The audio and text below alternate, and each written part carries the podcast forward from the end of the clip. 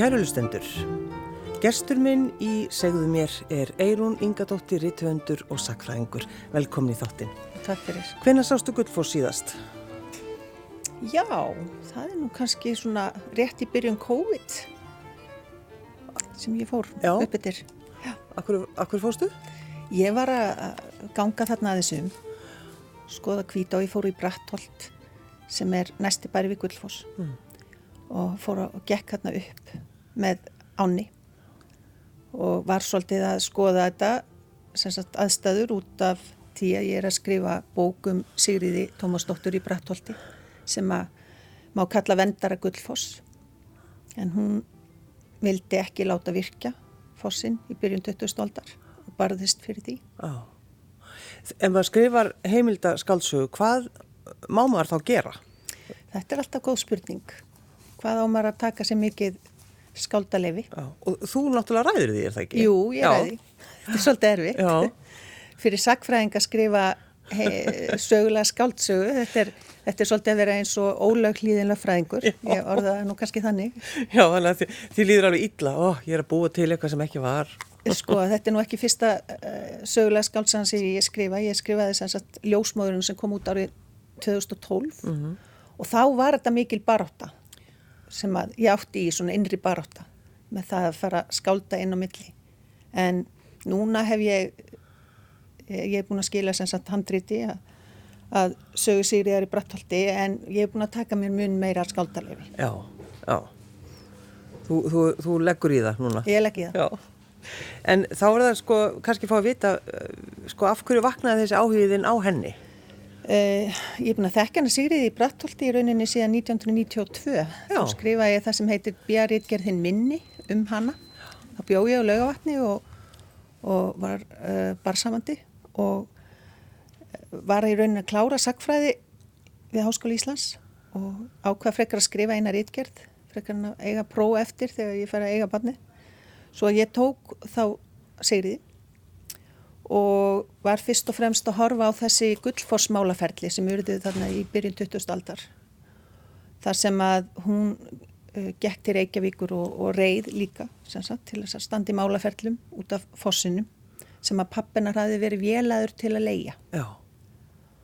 Nú ég skrifaði þessa rítgerð og síðan byrtist nú grein í morgublaðinu í lesbók, uh, jólalesbók 1994, það er hægt að nálgast það í tímaritt.is og þegar ég var að skrifa um Sigriði þá þurfti ég að fara í dómabækur Árnesíslu og þar kynntist ég ljósmáðurinni Þórtis í Símonardóttur og Eirabakka og skrifaði síðan um hana löngu síðar.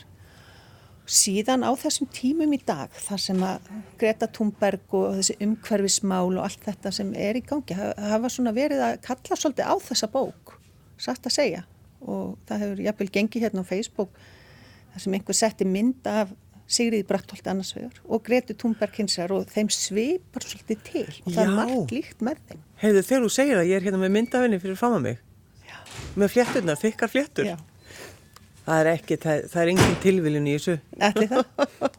En ef, þegar ef við förum aðst tilbaka, þú segir sko að, að, fæðrennar, hann var vélaður til að leia fósinn, Já, semst til 150 ára, já, til ársins 2062. já, hugsaðir. Þá fæði maður bara í magan að hugsa um já, þetta. Já, en málið er að það var verið að leia alla fossa og öll vassföll á þessum tíma. Það byrja mikið kapplaup meðal businessmanna á þessum tíma. Það sem að það var út sem að það uh, var séð að það er því farið að virkja og það vildu allir eiga foss sem að þeir gætu eh, eiga réttiti til að virkja þessi vassföll til þess að græða sem mest og uh, og það var þannig að þeir pappi hennar Sigriðar og eigandi sagt, landsins austan megin Gullfoss, þeir leia fyrst fossin sko rétt fyrir aldamóti 1900 til 5 ára. Síðan fá þeir tilbúð 1907 frá útlendingi sem vildi kaupa fossin. Og- Frá útlendingi. Frá útlendingi. Já, Og þetta var ennskur maður sem hafi komið þarna. Gullfoss verður svona, menn fara að skoða Gullfoss sko svona í rauninni nálagt aldamóti 1900. Þá fer hann að verða svona til sínis. Ég meina þegar kongur kom 1970 1874, þá fór hann ekki allarlega Gullfossi, hann fór bara geysi. En þegar Friðrik 80 kom 1907, þá var fór hann að Guldfossi Já. líka. Þá hann við hæfi að sína, já, þá við skulum sína konginum Já. fossin okkar. Já, Já, þá var hann orðin eitt af þessum uh, aðal stöðum til þess að sína. já, 1907. Já. Og sko, að því að þú ne- nefnir þetta, það eru erlendir sko bara viðskipta eh, menn sem að vilja, þannig og þú veist, núna er Já. 2020 og Já. það er verið einhvern veginn, við erum á sama stað. Það er svolítið skrítið að sko á þessu tíma þá gerist það að þessi englendingur vildi sem sagt kaupa sér brattolt og býður ykkur að upphæði brattolt sem að ég sé ekki betur en hann Tómas hefði getað selt brattolt og keift bara nokkrar jarðir Já. fyrir og hann gerði það ekki og sagðist ekki selja vinsinn Gullfoss mm. og það var frægt og, og þetta fór í blöðinn og, og varð svolítið svona já, svolítið þekkt En, en á þessum tíma þá bara þótti uh, við hæfi, við eigum bara að virkja alla, alla fossa. Já og, og svo er þetta líka svo ótrúlega mikið vald og valdaleysi. Þarna erum við að tala um einhverja bændur sem voru ekkit vanir samningagerð og, og öðru slíku og, og hins vegar einhverjir businessmenn hérna í Reykjavík sem að kannski svifust einskis. Nei. Og þetta er svolítið Davíð og Góljat og, og manni verður stundum hugsa til þeirra sem eru hérna í dag í einhverju náttúruvend, gagvart einhverju stórfyrirtækjum og, og hafa kannski ekki fjármun einu sinni til að verja landi sitt gagvart því sem að, já, sama hvort það er einhver ramaslína sem á að fara þar yfir eða, eða á að virka eða Já, já. hvað sem er sko.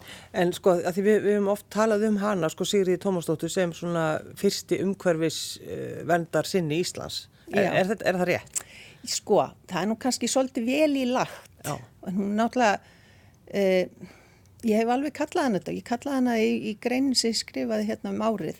En kannski mætti nú eiginlega frekar segja að, að einhver annar eins og Þorsteinn Ellingsson eigi það meira skilið. Hann var svona meiri náttúruvenda sinni almennt. En, en Sigriður var kannski fyrst og fremst bara að hugsa um gullfoss.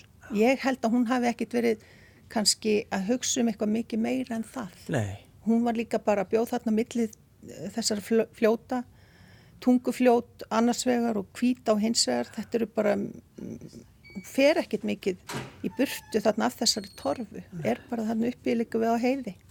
En, en hvernig sko, hvernig manneskja var Sigriður?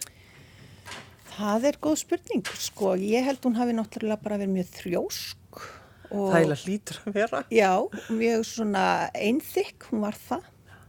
Og, og ekki mikið fyrir nýjungar sem dæmi, Já. en algjörlega sönn og, og heil í öllu sem hún tók, hún var mjög listræn eins og hún á nú, átti nú kynnt til, margt að fólki í kringum úr hennar fjölskyldu mjög listrænt fólk. En hvað með sko, var hún, giftist hún einhvern tíma, átt hún Nei, börn? nei hún, hún var svolítið sérstök. Ég hugsa að hún hefði bara verið greind af einhverju einhverfurófi. Ég horfði einmitt á mjög áhugaverðan þátt í sjóarpinu núna daginn um, um konur með einhverfu og hugsaði mjög mikið og stert til Sýriðar í Brattholti. Þannig að það er ekkert vitað um neitt, neitt, neitt uh, kærasta eða neitt. Nei. Nei. Hún var alltaf, hún bjó alltaf í Brattholti og uh, var sem sagt, foreldrar hennar tóku uh, í fóstur ungan dreng, þá er hún bara rúmlega þrítug og hann elst þarna upp og það endar þannig að þau eru þarna tvö saman í Brattholti og hann tekur síðan við búið þar og var mikið svona eftirlæti þeirra systra og ég held bara að Sigriður sko ef hún hefði verið upp í dag þá hefði hún öruglega orðið listakona Já. En sko, málaferðla á þessum tíma.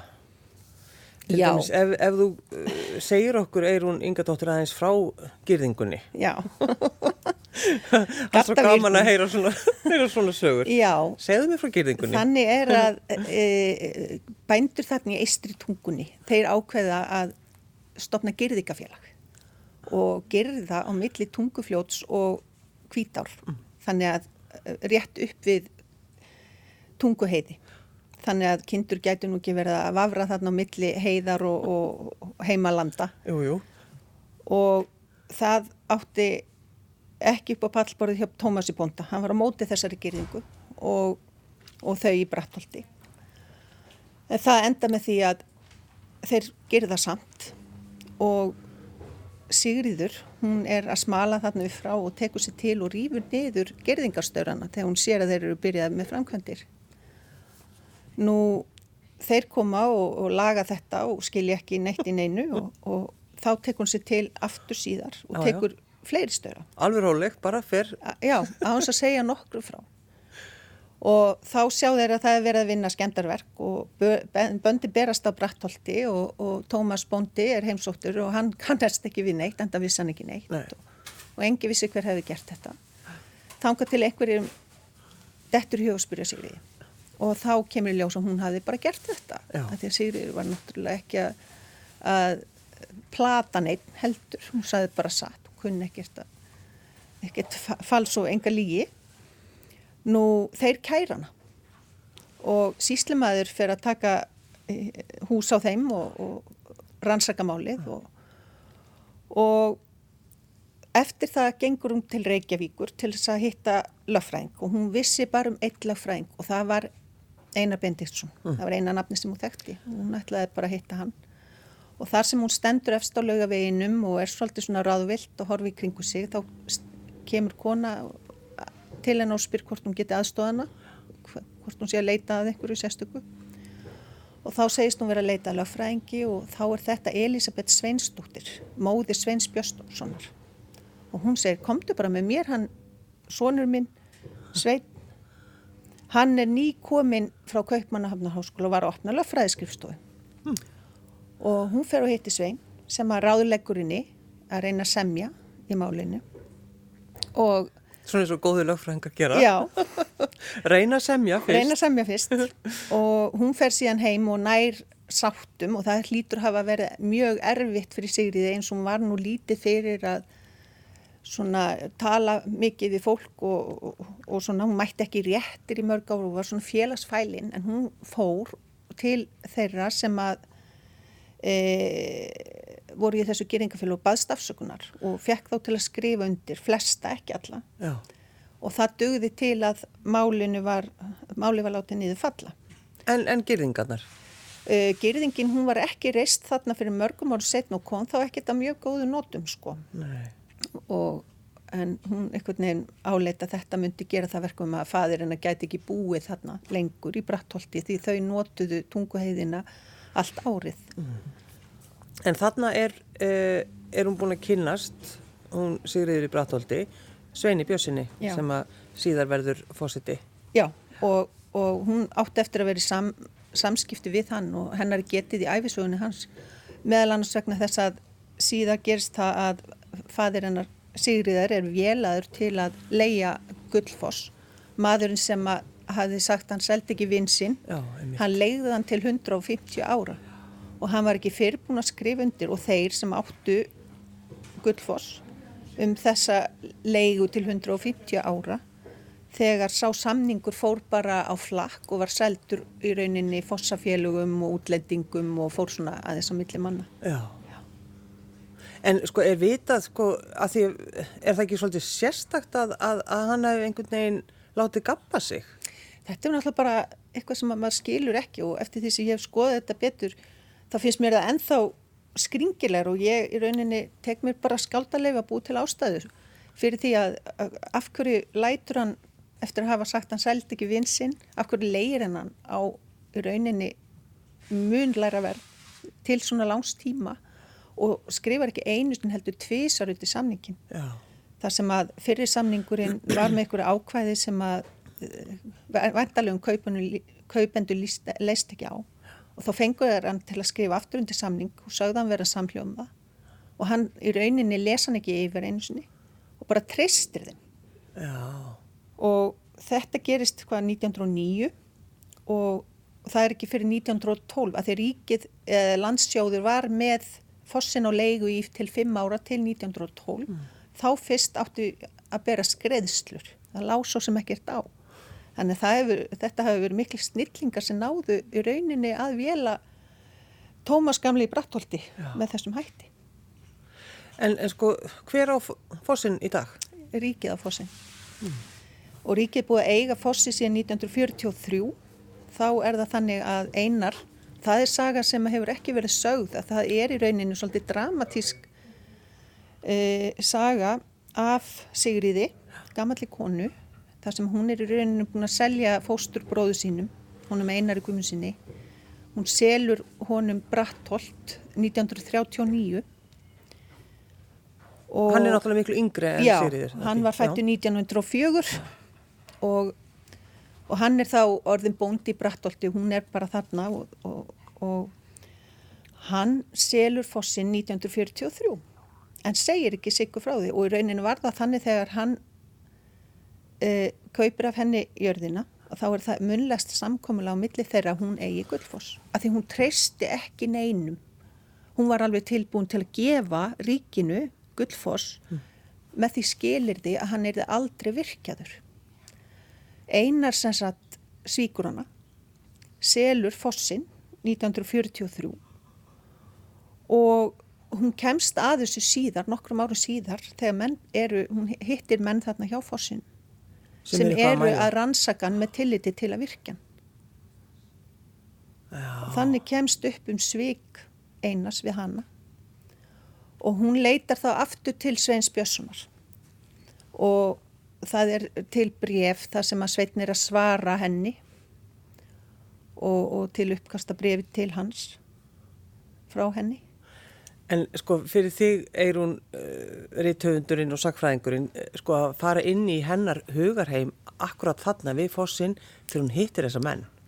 Þetta er sko hlýtur að vera, hafa verið dramatist fyrir henn og hún hlýtur að hafa orðið algjörlega brjáluð. Já, Ég held að það hljóta hafa verið sko og hún átti uh, góða hjálparhellu þarna í sveitinni sem var sér að Eirikur Þótt Stefánsson, prestur á Torfastöðum og hann var að reyna hjálpinni í þessu máli og var að reyna að fá einar til þess að uh, fá þetta til að ganga tilbaka og, og það voru meiri segja sko uh, vittni að þeirra munlega samkomiðlagi um þetta Já. að fossin væri hennar sérign en hann bara sveik hana Já. en síðan náttúrulega var fórsinn ekki virkjaður og einar eh, veriðist um hafa fengið samvinskupitt síðar yfir þessu Er það? Já, ég held það hann, Það er sagt nú stundum að fjóruðungi breiði til fóstus og hann var nú svolítið sérstakur líka. Sérlundaður Já. og þrjóskur. En það veriðist nú vera. Það hafi komið að því. En það er náttúrulega það sem að fólk talar um, sko, sem, maður þekki kannski ekki mikið eh, um hennar líf, en það er eina sem maður, svona eiginlega flestir vita, það er já, hún Sigriður sem að, sko, hún ætlaði bara að henda sér í fossin.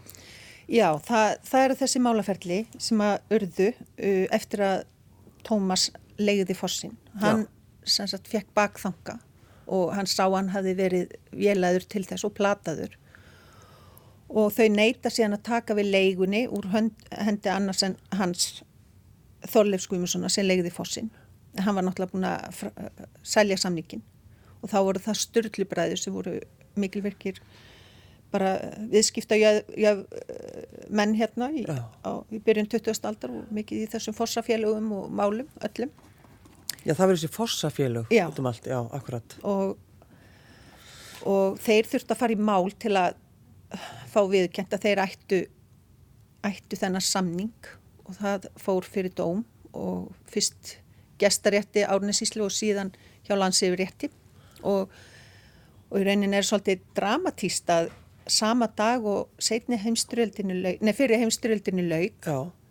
þá það er 1918 já, 17. ofnbjörn minnum þann dag fjall dómur í landsifrétti um að samningar skildu standa, þessi samningur væri löglegur. Þá laug þessu stríði siggu í Brattvaldi. Á sa sama dag? Sama dag. Ég sé hérna það er 11. november. 11. november, já. Já, akkurat. Já.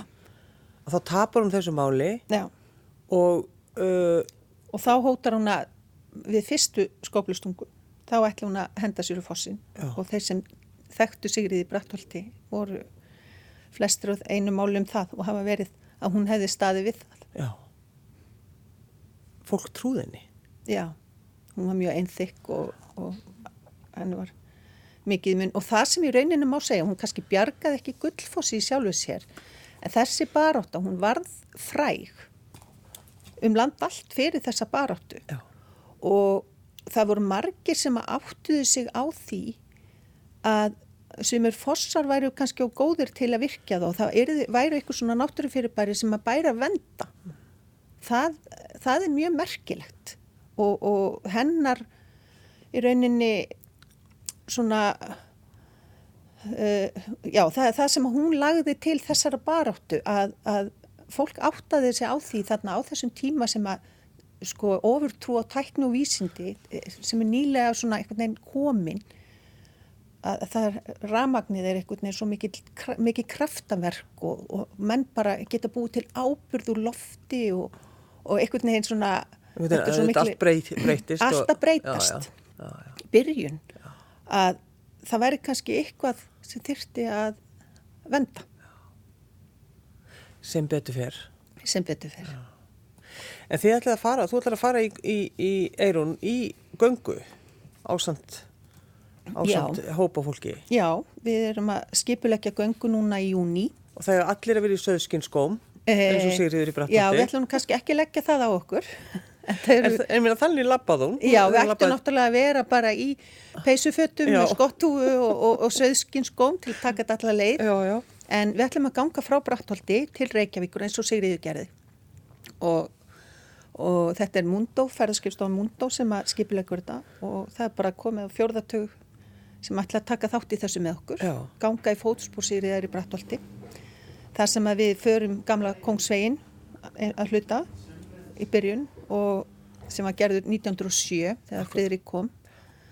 Er hann, hvernig er hann? Er, er hann Það er hægt að ganga hann að hluta til allan, ekki allan. Nei, um mitt. Og síðan munum við ganga yfir uh, Lingdalsheiðina, koma við í lög, lögavarshalli og, og taka síðan gamla, gamlu þjóðuleiðina yfir Mosfellsheið og þá tekur Margrét Sveinbjörnsdóttir við en hún er einna þremur höfundum af uh, bók, árbók ferðarfélags Íslands um Mosfellsheiði sem kom út á síðast ári Já. Já, hún er hérna engi menningar miðlari. Jú, Já, já. þannig að hún tekur við og við munum náttúrulega segja sögur alla leiðina. Það er stefnað markmið. Já.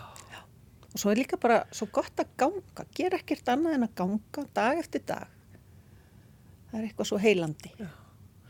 Ætlið að ganga í einhverju þöggun eða er það Nei, eitthvað? nei, nei. Þið ætlið bara, þið ætlið að segja frá Ég ætla henni. bara að segja frá, sögur af uh, Sigriði og, og ég stefna því að segja sögur á öðru fólki þannig sveitinni líka. Það sem ég veit og, og svo les. Ég meina Hannes Þorstensson, hann til dæmis var fættur þarna brú í biskustungum sem var síðan þjóðskjálfurður og stórmerkilegu maður og það er til sögur því þegar hann var þarna berfættur uh, að smala og vinnuharkan og, og, og annað sem sagt bara, já, og það er náttúrulega konungskomur hjá geysi og, og bara það fljóta fullt á sögum með. Eirún, e- ef maður er sakfræðingur verður maður að vera sérlega forvitin. Já, eh, hann var vinsanlega náhuga. Og hvað það var kurtislegt svar. Ég ætla að segja sjúglega forvitin. Hann var vinsanlega náhuga náunganum. Já. Já, það er eh, mjög æskilegt. En sko, e- ertu alltaf með hugan við sko bara gamlan tíma? Svo sem ekki alltaf, ég er náttúrulega að vinna svona fyrir salt í gröytinni eins og allir aðrir Já, já. Og, og þetta er nú meira svona tómstunda yðja en ég dett alveg í það, ég myndi segja það og, og virkilega og mér finnst mjög gaman að garfa í gamlu tíma og svona þessi tími fyrir hluti 20. aldar, lók 19. aldar er svolítið minn tími, mér finnst það áhugaverð, mjög margt áhugaverð. Spennandi. Já. En ég minna, þú, þú talar, Eirún, þú talar um hana sko, Sigriði Brattolti, þú segir hún Sigga. Já, Þetta er ég kalla hana Sigga vinkona mín. Já, já, þetta verður svolítið þannig sko. Já. Já, hún er alveg, ég er náttúrulega búin að þekka hennu mjög lengi henni Siggu. Og hún er alveg frábær. Það er mjög gaman að þessu og, og, og það sem að í rauninni, að því ég var svona lengi einhvern veginn það, fyrst þegar einhvern nefndi það við mig, hvort ég ætlaði ekki að skrifa svona heimildaskáldsu um hana og þá sagði, hm, mér var bara aldrei dóttið Sigga er svo skrítin, Sigga. sagði ég. En svo þegar ég byrja þá, þá gerist þetta bara ansir hætt, það verður bara segist eins og er að það, það lág einhvern veginn alltaf fyrir ég átti eftir að gera þetta. En sko þegar maður hugsa bara um Brattholt og, og, og staðin og umhverfið, Já. að því var, spurði þig Eirún einmitt um, um ástarmál, Mm. þú veist, var hún aldrei ástfangin, að það var náttúrulega ekki takt að, það var, þú kannski ekki labbaði yfir einhverja heiði til þess að hitta einhvern, Nei, það, það er það er ekki sko... alveg þannig. Nei, en svo er bara þetta sko, þessi eistri tunga, þannig tung, maður átti að segja á því hvað þetta er ofbúslega einangrað með þessi stórfljót eins og tungufljót og það er ekki fyrir 1907 það kemur almeinlega brúð þar yfir og, og náttúrulega hvítá er ófær. Það er hins vegar saga til með, held að það hefur verið fyrir hluta, hvort það er um 1800, að þá bjó bóndi í Brattholti sem átti sagt, barn sem að sati yfir ánum og hinn megin árinar er, er það sama. Þá var þar byggt sko, sem var setna ekki út af bara blæstri og öðru vísi. Tungufellstorfan er þar og, og hann óð yfir ána og þetta er saga í pilt og stúlku. Þetta er forfeður Jóns Tóratsen. Já, þetta er sagan. Þetta er sagan og hún gerist við hvítá.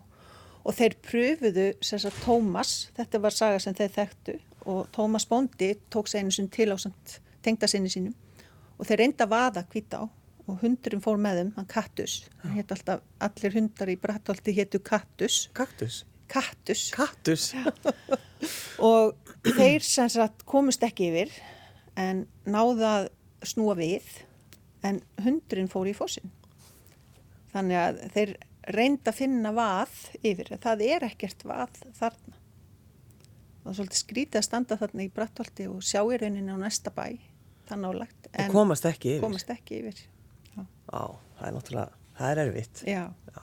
En nú ertu sko, Eirún, búin að senda bókina, hún er Já. komin, þú ert búin að sleppa hendin af henni. Ég er búin að sleppa hendinni, já. Já. Hún er í, hjá útgefanda og, og nú eru þeir að lesa yfir og ég býð eftir stóra dómi. Jú, jú.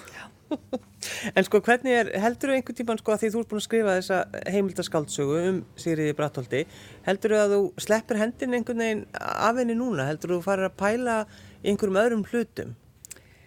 Ég Eða verður það bara ekki hægt? Ég veit það ekki, maður verður bara einhvern veginn að sleppa og, og maður verður bara einhvern veginn að leifa þessu bara að hafa sinn gang.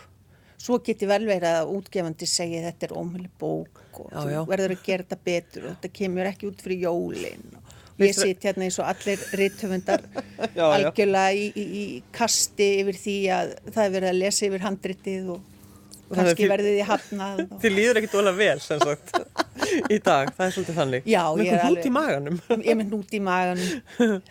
Já, en þegar maður hugsa bara um hennar, hennar líf og einmitt, sko, fóstubróður hennar í rauninni að, svíkja hana. Já, það, hann sko kemur þarna 1904 og frá bæ í tungunum. Já. Þar sem að e, bóndasónur hafði eignast hann með vinnukonu. Og það er ákveðið að barnið fari fóstur í Brattholt. Og þremur dögum eftir að þau, barni, hann kemur þryggja daga gamall til í Brattholt og svo fa, fara þau og ná í móðurina svo hún fekk að vera með barninu fyrstu vikunar og það sýnir svolítið sko hvað þetta er nú gott fólk að í Brattholti þetta var nú ekki allir sem gerði þetta á þessum tíma þannig að móðurinn fekk að vera með barninu sínu svona fyrstu mánuðina En svo ekkert, svo þurfti hún að fara. Svo þurfti hún að, já, hún var náttúrulega vinnukona á öðrum bæ. En þetta er bara eins og lífið var. Já, svona var bara lífið á þessum tíma. Átt að segja því að það er ekki fyrir nú 1930 það kemur eitthvað svona að börni að vera hjá fóreldum, það það er annar, annars strákur sem að elst upp þarna frá þryggjára aldri, það sem að börnunum var dreift um sveitina. Já. Þannig að þetta, Þetta er nú einsaga. Þetta er eitthvað sem er, líku við, það, búist, það er erfitt að heyra þetta. já, Það er það það er það. En, En, já. var mjög góður staður til að vera á. Það er alveg ótt að segja það og þau voru í samskipti við þessa móður sem að dó 1918. Já. og hann í rauninni einar það er sýstir hennar Siggu í rauninni hún hérna fóstraran Já. og hérna þetta eru svik, hann svíkur hana. já, það er náttúrulega gerist bara, já Mm. og hann svona fór í bændaskóla og, og, og hann átti bara að fá allt það besta og var kannski pínu fordregraður Já. Já. Að það má segja það Já. En góðu drengur var hann, sko. Bara svona var þetta líka, það má ekki alveg vera, sko, grimmur við hann heldur. Nei. Því að hann, Eirun þú ert að verja hann. ég, eh, sko, mér, mér finnst þetta, mér fannst mjög leiðilegt einhvern veginn að þurfa að segja þessa sögu. Já. Og, og ha, sko, Sigga átti þetta náttúrulega ekki skilið að hann skildi svíkjana. En hann náttúrulega, þetta á þessu tíma er þetta bara þannig að konur hafa engin völd. Nei. Það hafa enga rödd. Og þessu köllum fannst bara algjör óþarfi að vera eitthvað að taka tillit til þeirra. Ég held að hafi verið pínu þannig. sko. Hvar er hún jörðuð? Hún sigriður í Brattaldi. Haugadal. Það var þeirra kirkja. Já. Þar er hún jörðuð og maður er að hugsa til þess sko þegar móður hennar eignast 13 börn og, 13 og tvisa sinnum er tveir bræður hennar, svona þryggja fjórar strákar, tvisa sinnum er tveir saman og líkbörum. Bara fólk á þessum tíma mátti bara búast við því að missa helmingin á börnunum áður en þau eruðu fullorðin. Og þau til dæmis skýra fjóru sinu nafni Guðrún. Og það eru tvær Guðrúnar sem að komast upp. Og, og á þessum tíma þá, sko, það var náttúrulega, þá áttur bara að bera harm þinn í hljóði. Já, en það var mjög oft held ég að konur sögðust eiga kannski 13 börn og 7 var í hjá Guði eitthvað slíkt. Já.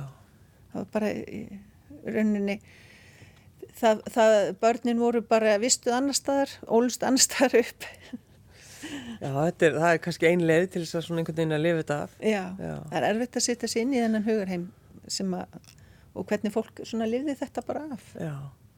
En ég minna það eru sömu tilfinningarnar og sami sásökin og allt saman eins og er í dag. Væntalega. Já. Já, Þannig að maður getur rétt ímynda sér. Já. Og tvö börn á líkbörum inni, tvisa sinnum, já. tvís og sinnum. Já, það gekk mislingafaraldur til dæmis og, og barnaveiki, hún var líka skæð á þessum tíma. Já.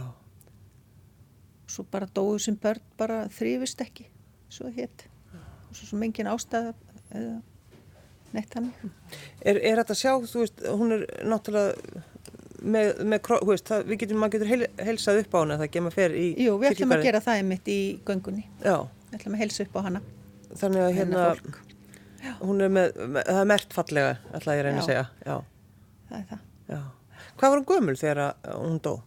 Hún dó 1900, hún var komin sko á nýræðisaldur, hún dó fjörgumul. Já, Og hún- það er þrjóskan. Já, það var alveg hægt að segja það. Hún endaði nú með því að fara inn á elli heimili og það er annað sem að virðist vera að einar virðist ekki hafa hugsað nú vel um hana undir lokin. Það er allavega Hún hefur verið fyrir. Hann mátti ekkert vera þessu, hann var bóndi. Já, og hún var orðin blind. Og það er svona, já, svolítið erfitt að kingja því líka. En hún endaði með því að fara inn á elli heimili í Hafnarfyrði og dó þar bara mánuði síðar enda svo sem búin að vera einhvern veginn í hálgerðir einangrun þarna í uppsveitum og náttúrulega bara dó við fyrstu pest vöruglega söll lífdaga já. 86 ára gömul En ótrúlegt. Já. Já. En þannig að þið ætlið að, að draga fólk hérna í gegn og, og, Já, og við bara segja frá þessari, þessari náttúrulega ótrúlegu sögu. Já, við ætlum að svona byrja þarna á 11. með því að fara þarna um kvöldið á, þegar við komum í Brattolt, við ætlum að gista þar í tvær nætur í Hótel Gullfossi og við skulum ekki gleyma því að nú er hægt að gera svona það sem að erlendu túristarnir er ekki, nota tækifærið og njóta Íslands. Og það er einhvern veginn, sko, þessi tilfinning að standa við Gullfoss Já, núna, til dæmis. að, já, hún er mjög. Já, ekki, Vera bara einn að það, já, alveg ótrúlega. maður hefur svolítið séð, séð að fólk er að nota tækifæri Já. núna og, fara og, og, og, og það er einhvern veginn þannig þegar maður stendur við Gullfoss, þú, þú færð alltaf einhvern, Þetta- það er einhver tilfinning, Það er það. það er eitthvað ólýsanlegt Já. sem gerist. Ég er sammála. Og Sigga og systur hennar, þær voru í því sko á þeim tíma þegar þær eru að alast upp, þá er í rauninni sko þjóðleiðin í gegnum hlaðið á Brattholti. Og þær er að fylgja gestum og ferðalöngum upp á fossi. Já, Og það má kannski segja að það hefur orðið til þess að það fara að sjá fossin svona með gestsaugum, sjá hvað þeir eru hrifnir af honum og, og þar fram eftir göttum en, en það er svolítið skondið að sjá til dæmis hvað uh, bæði Hannes Þorstensson og fleiri síðar uh, lýsa svona ástarsambandi siggu við fossin lýsa þessu eins og hann hafi verið hennar ástmögur sem er mjög fallegt. Já, Eirún Ingadóttir, Ritthundur og Sakfræðingur. Takk fyrir að koma. Takk fyrir.